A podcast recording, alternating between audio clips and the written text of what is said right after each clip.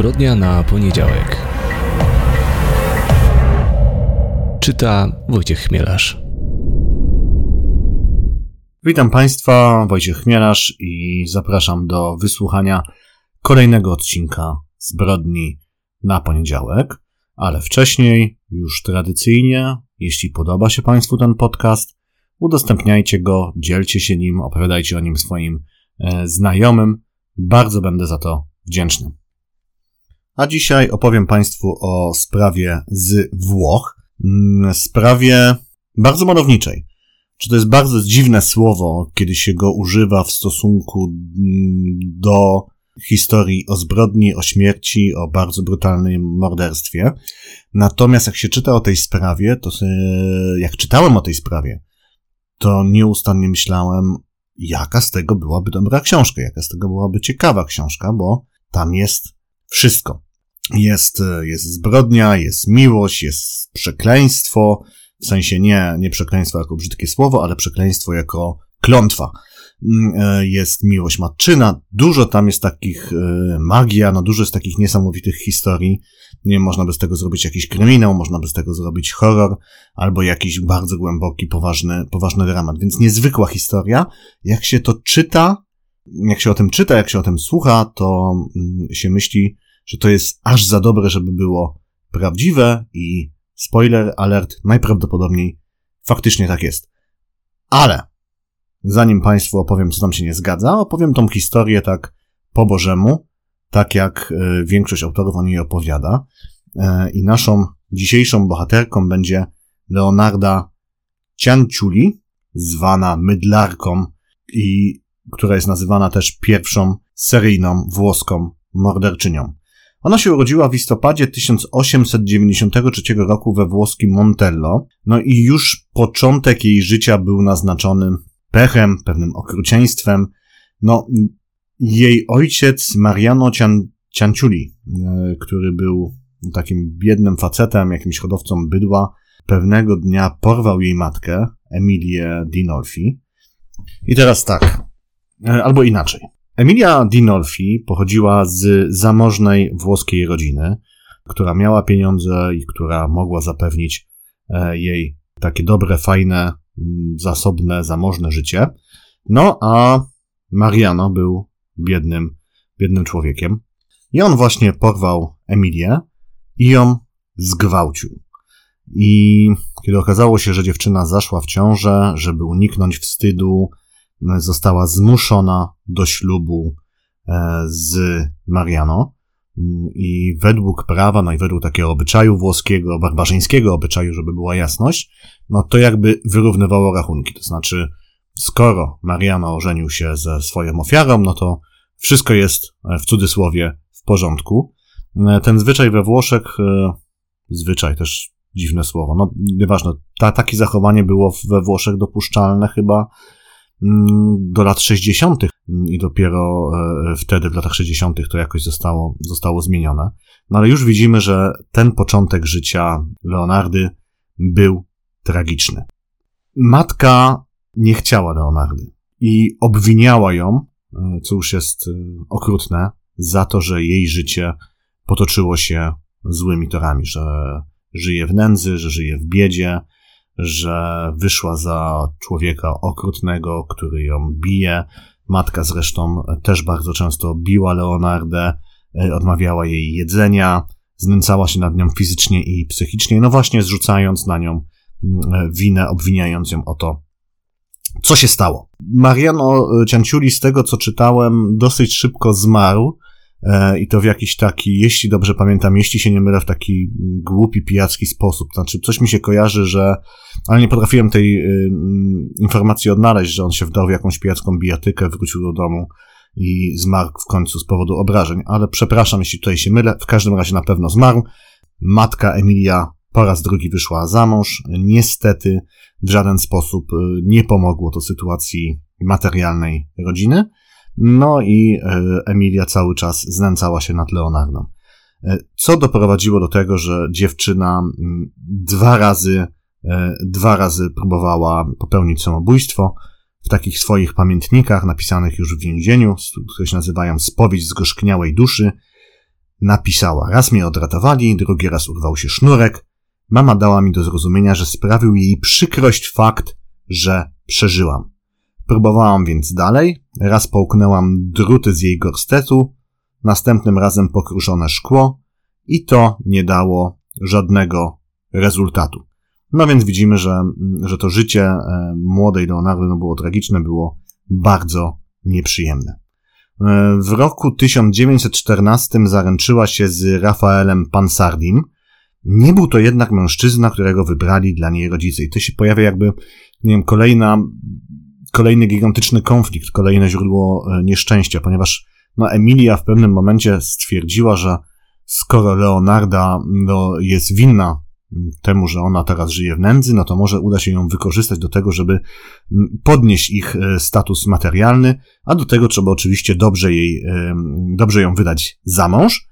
Znalazła jej męża, to był chyba jakiś ich kuzyn, no natomiast Leonarda miała inne plany, pojawił się Rafael Pansardi, zaręczyli się, pobrali się w roku 1917, e, matka była wściekła, rodzice nie pojawili się na ich ślubie, Matka miała wtedy rzucić e, na córkę klątwę i według tej e, klątwy miała urodzić dzieci, ale wszystkie te dzieci miały umrzeć. No i faktycznie Leonarda zaszła w ciążę 17 razy. Trzy razy poroniła, dziesiątka jej dzieci zmarła z powodu różnych chorób. Przeżyła czwórka, w tym jej ulubieniec, najstarszy syn Giuseppe, do którego jeszcze wrócimy, ponieważ jest on bardzo ważną postacią w tej historii. Młodzi małżonkowie wyprowadzili się do miasta Potenza i tam e, Giuseppe, e, przepraszam, Rafael Pansardi pracował w urzędzie, bo on był urzędnikiem państwowym. E, Leonarda zatrudniła się w banku, no i w tym banku założyła, z tego co czytałem, jakieś fałszywe konto, na które wyłudzała pieniądze została na tym przyłapana. Te pieniądze prawdopodobnie były jej potrzebne, żeby opłacić lekarza dla jej dzieci, no bo jak mówiłem, dziesiątka jej dzieci zmarła. Została skazana na, na oszustwo i spędziła w więzieniu według e, różnych źródeł albo 10, albo 18 miesięcy. Kiedy wyszła, no znowu wstyd. Wszyscy wiedzieli, co zrobiła, wszyscy wiedzieli, że siedziała w więzieniu. W związku z tym małżonkowie przenieśli się do Avelino. I tutaj kolejna tragiczna historia. Znowu ich życie wywróciło się do góry nogami. Avelino było, nie wiem, kolejnym właśnie niewielkim miastem. Tam wszyscy e, pracowali, czy prawie wszyscy zajmowali się uprawą roli. I, I latem właściwie, kiedy były zbiory, kiedy było najwięcej, najwięcej pracy, wszyscy spędzali cały czas na, na, na polu. E, prawie całe miasteczko i tam e, spali, e, żeby nie tracić czasu na powroty do domu i, e, i potem powrót na pola do pracy. No i właśnie to jest akurat szczęście. Wtedy latem w miasteczku uderzyło trzęsienie ziemi. Całe, całe miasteczko legło w gruzach, w tym także dom Leonardy i Rafaela. W wyniku trzęsienia ziemi stracili dom i cały swój majątek. No i po raz kolejny się przeprowadzili do regionu Reggio Emilia i tam w końcu znaleźli, do ni- znaleźli swoją stabilizację. Dlaczego? No, tutaj pomogły y, różne rzeczy. No, przede wszystkim odszkodowanie, które rząd wypłacił osobom, które straciły swój majątek e, w wyniku trzęsienia ziemi. Także, ponieważ wszyscy Reggio Emilia wiedzieli, przez co oni przeszli, wiedzieli, że są ofiarami trzęsienia ziemi. Początkowo przynajmniej wszyscy byli bardzo pozytywnie do nich nastawieni, e, pomagali im się urządzić w nowym miejscu, no i się wydawało, że w końcu znaleźli mm, miejsce mm, e, dla siebie. Leonarda otworzyła sklep z mydłem, zdobyła też pewną lokalną sławę jako wróżka i medium. Miejscowe kobiety często do niej zachodziły, żeby się radzić w mniej lub ważnych życiowych sprawach. No i przez chwilę wydawało się, że wszystko się ułożyło. No ale pamiętamy, są to lata 30. XX wieku, okres międzywojenny i w tym czasie Włochy, które potem, jak pamiętamy, przyłączyły się do osi, walczyły razem z, ramię z, nie, z Niemcami w czasie II wojny światowej. Oni w latach 30, 30. prowadzili taką awanturniczą politykę, mm, zaatakowali, podbili Etiopię, zaatakowali, podbili, podbili Albanię. Benito Mussolini marzył o tym, żeby odbudować e, imperium rzymskie. No, a najstarszy syn Giuseppe był w takim wieku, że został albo powołany, albo sam się zgłosił do wojska. Najprawdopodobniej sam się zgłosił, gdzieś znalazłem teorię, że był to jaki, taki jego sposób, żeby wyrwać się z pod opieki nadopiekuńczej matki. Leonarda Cianciuli była przerażona, pamiętała o klątwie, którą rzuciła na nią matka.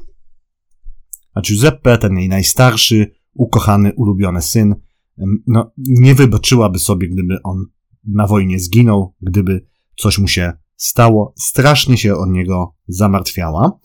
No i co się stało? Tutaj znowu y, są pewne niejasności, różne wersje.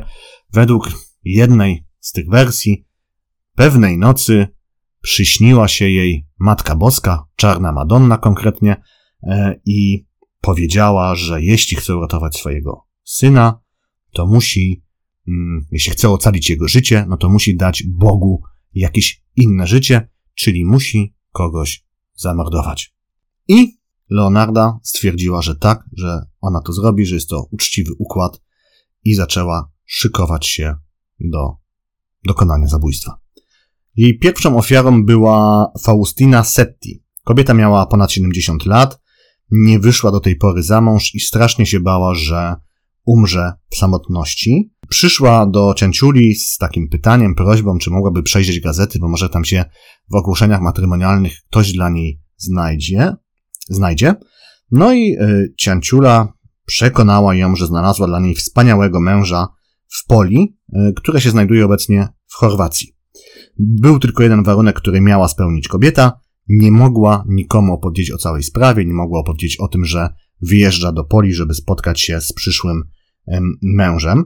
Dodatkowo Leonarda namówiła ją, żeby napisała listy i pocztówki do krewnych, w których opowiada im, że wszystko jest w porządku i nie muszą się o nią martwić.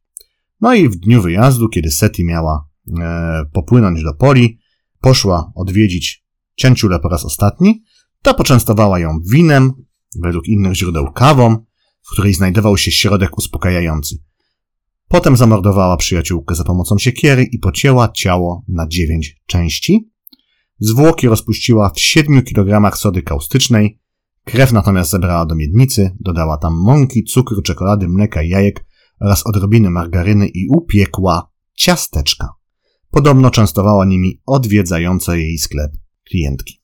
Po jakimś czasie uznała jednak, że śmierć starej kobiety to może być za mało dla Boga e, i być może Bóg jednak nie ocali jej syna. Potrzebowała więc kolejnej ofiary. Stała się nią Francesca Sołowi, którą z kolei Leonarda przekonała, że znalazła dla niej pracę nauczycielki. Również ten sam modus operandi, sposób działania, namówiła ją do napisania listów do rodziny, a potem zamordowała w identycznych okolicznościach, tak samo potraktowała jej ciało.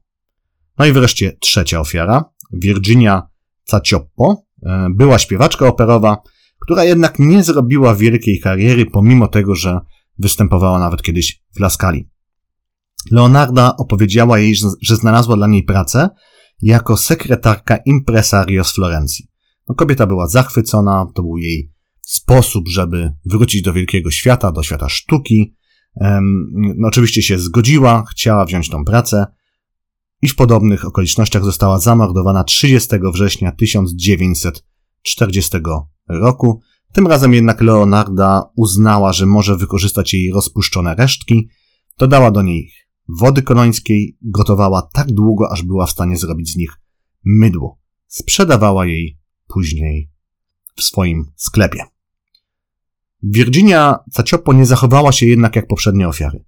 Podczas kiedy dwie poprzednie kobiety zgodnie z narzuconymi warunkami nie wspomniały ani słowem o swoich układach z Leonardą, Virginia opowiedziała o wszystkim swojej rodzinie i przyjaciółkom.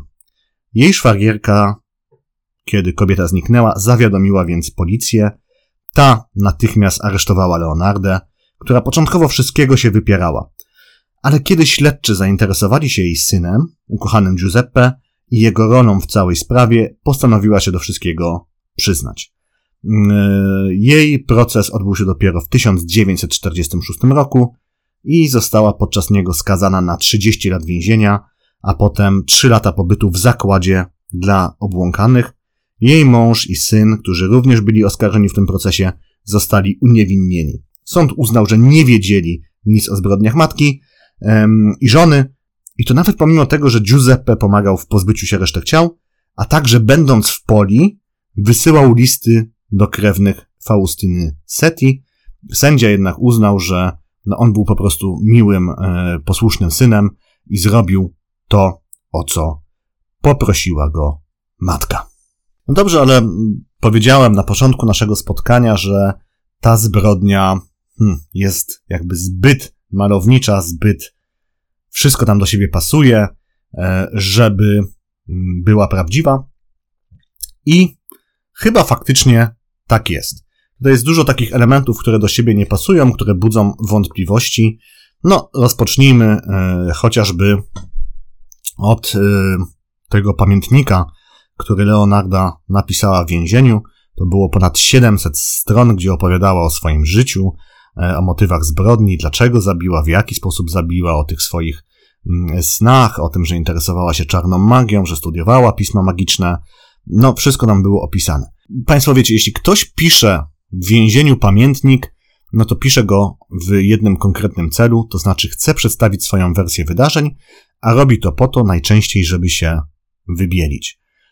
Oczywiście zdarzają się przypadki, tak, gdzie e, morderca czuje się tak bardzo winny, że hmm, pisze jakiś, jakąś książkę, jakiś pamiętnik, gdzie się do wszystkiego przyznaje i dokładnie opowiada, jak, co się wydarzyło. No najczęściej jednak taki pamiętnik powstaje już po procesie, kiedy, kiedy zabójca zostaje już skazany na dożywocie mm, lub karę śmierci w Stanach Zjednoczonych czy innym, e, czy innym kraju, gdzie się tą karę stosuje. E, swój pamiętnik Leonarda pisała, kiedy znajdowała się w areszcie jeszcze przed procesem. No i bardzo wiele osób ma wątpliwości, czy to ona faktycznie napisała ten pamiętnik. Ona skończyła tylko trzy klasy szkoły podstawowej i bardzo wiele osób e, mia, ma wątpliwości, czy ona byłaby w stanie napisać no, książkę, która liczy ponad 700 stron. Wiecie Państwo, ja jestem zawodowym pisarzem, nie, ja nie jestem pewien, czy byłbym w stanie napisać taką grubą książkę e, o swoim życiu, chociaż ja nie morduję ludzi, e, moje życie jest może nudne i nie ma tam po prostu materiału na te 700 stron. Natomiast to jeszcze było napisane takim bardzo um, poprawnym, wysokim stylem, um, dobrą włoszczyzną, um, bez błędów, no i jest bardzo silne przypuszczenie, że po prostu napisali to jej prawnicy, jej adwokaci, po to, żeby E, ją, e, żeby przekazać jej wersję wydarzeń. No, ale ona się w tej książce do wszystkiego przyznaje, tak? Opowiada o, tych, o tej czarnej magii, opowiada o tych morderstwach, mm, e, więc wygląda na to, że to jest jakaś jej spowiedź, a nie próba wybielenia się albo zrzucenia winy na kogoś innego.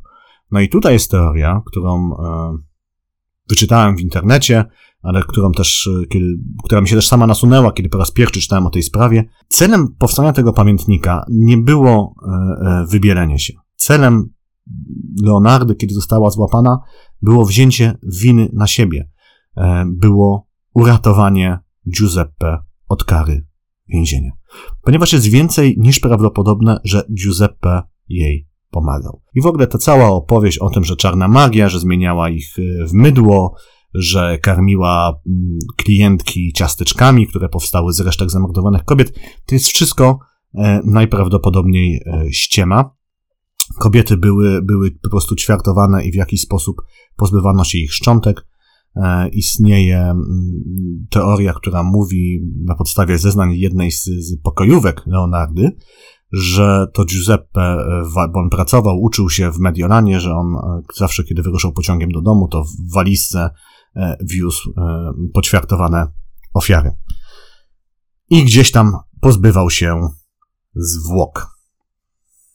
Zresztą sami sędziowie mieli wątpliwości, czy Leonarda byłaby w stanie sama poćwiartować ludzkie zwłoki. Ona zapewniała na procesie, że tak, jest to w stanie zrobić w przeciągu 15 minut. E, jest opowieść, która twierdzi, że sędziowie jej nie wierzyli i zdobyli dla niej ciała jakiegoś włóczęgi i ona na ich oczach e, tego włóczęgę nieżywego poćwiartowała faktycznie w kilkanaście minut. Natomiast wszystko wskazuje na to, że to jest po prostu jakaś kolejna miejska legenda, że do niczego takiego nie doszło. Jaki byłby motyw tych e, zbrodni? No więc najprostszy na świecie, czyli chciwość. Tak Leonarda prowadziła sklep, tak dostali e, odszkodowania od rządu włoskiego mm, za stracony majątek w trzęsieniu ziemi, ale także wzięli dużo pożyczek bankowych, mieli pewne mm, finansowe trudności, a standard życia ich nieustannie się podnosił do tego stopnia, że właśnie byli w stanie nawet e, zatrudnić służącą. Te trzy kobiety, kiedy wyruszały w drogę, czy do nowej pracy, czy po to, żeby spotkać się z przyszłym mężem, no brały ze sobą swoje pieniądze, swój majątek, pakowały się, e, swoje kosztowności, wszystkie cenne rzeczy brały ze sobą i szły z tymi walizkami odwiedzić Leonardę, która pojęła ich wtedy winem, kawą, ze środkami uspokajającymi. Według takich e, oszacowań, które znalazłem, łącznie na tych zabójstwach Leonarda miała zyskać, zyskać równowartość ponad 70 tysięcy euro. Co w tej historii jest w takim razie prawdziwe? Wydaje mi się, że na pewno prawdziwa jest miłość matki do syna, matki, która postanowiła wziąć całą winę na siebie po to, żeby uchronić ukochanego najstarszego syna przed więzieniem. W tym celu stworzyła tą całą niewiarygodną opowieść o mydłach, o czarnej magii, o snach, w których ukazywała jej się Matka Boska. Opowieść, w którą ludzie chętnie, chętnie wierzą i o której się cały czas opowiada, która się pojawia na blogach, pojawia się w podcastach. Natomiast, no mówię, jest najprawdopodobniej e, nieprawdziwa. Ona na przykład zapewniała, że jej mąż, jej syn o niczym nie wiedzieli, że oni nie wiedzieli, że ona zabiła te kobiety. No i jest to absolutnie nieprawdopodobne i nieprawdziwe. Leonarda zmarła w 1970 roku. Nigdy nie wyszła na wolność. Niestety nie udało mi się znaleźć żadnych informacji na temat dalszych losów jej syna, a także męża. To była zbrodnia na poniedziałek. Bardzo dziękuję Państwu za uwagę i poświęcony czas i do usłyszenia w kolejnym odcinku.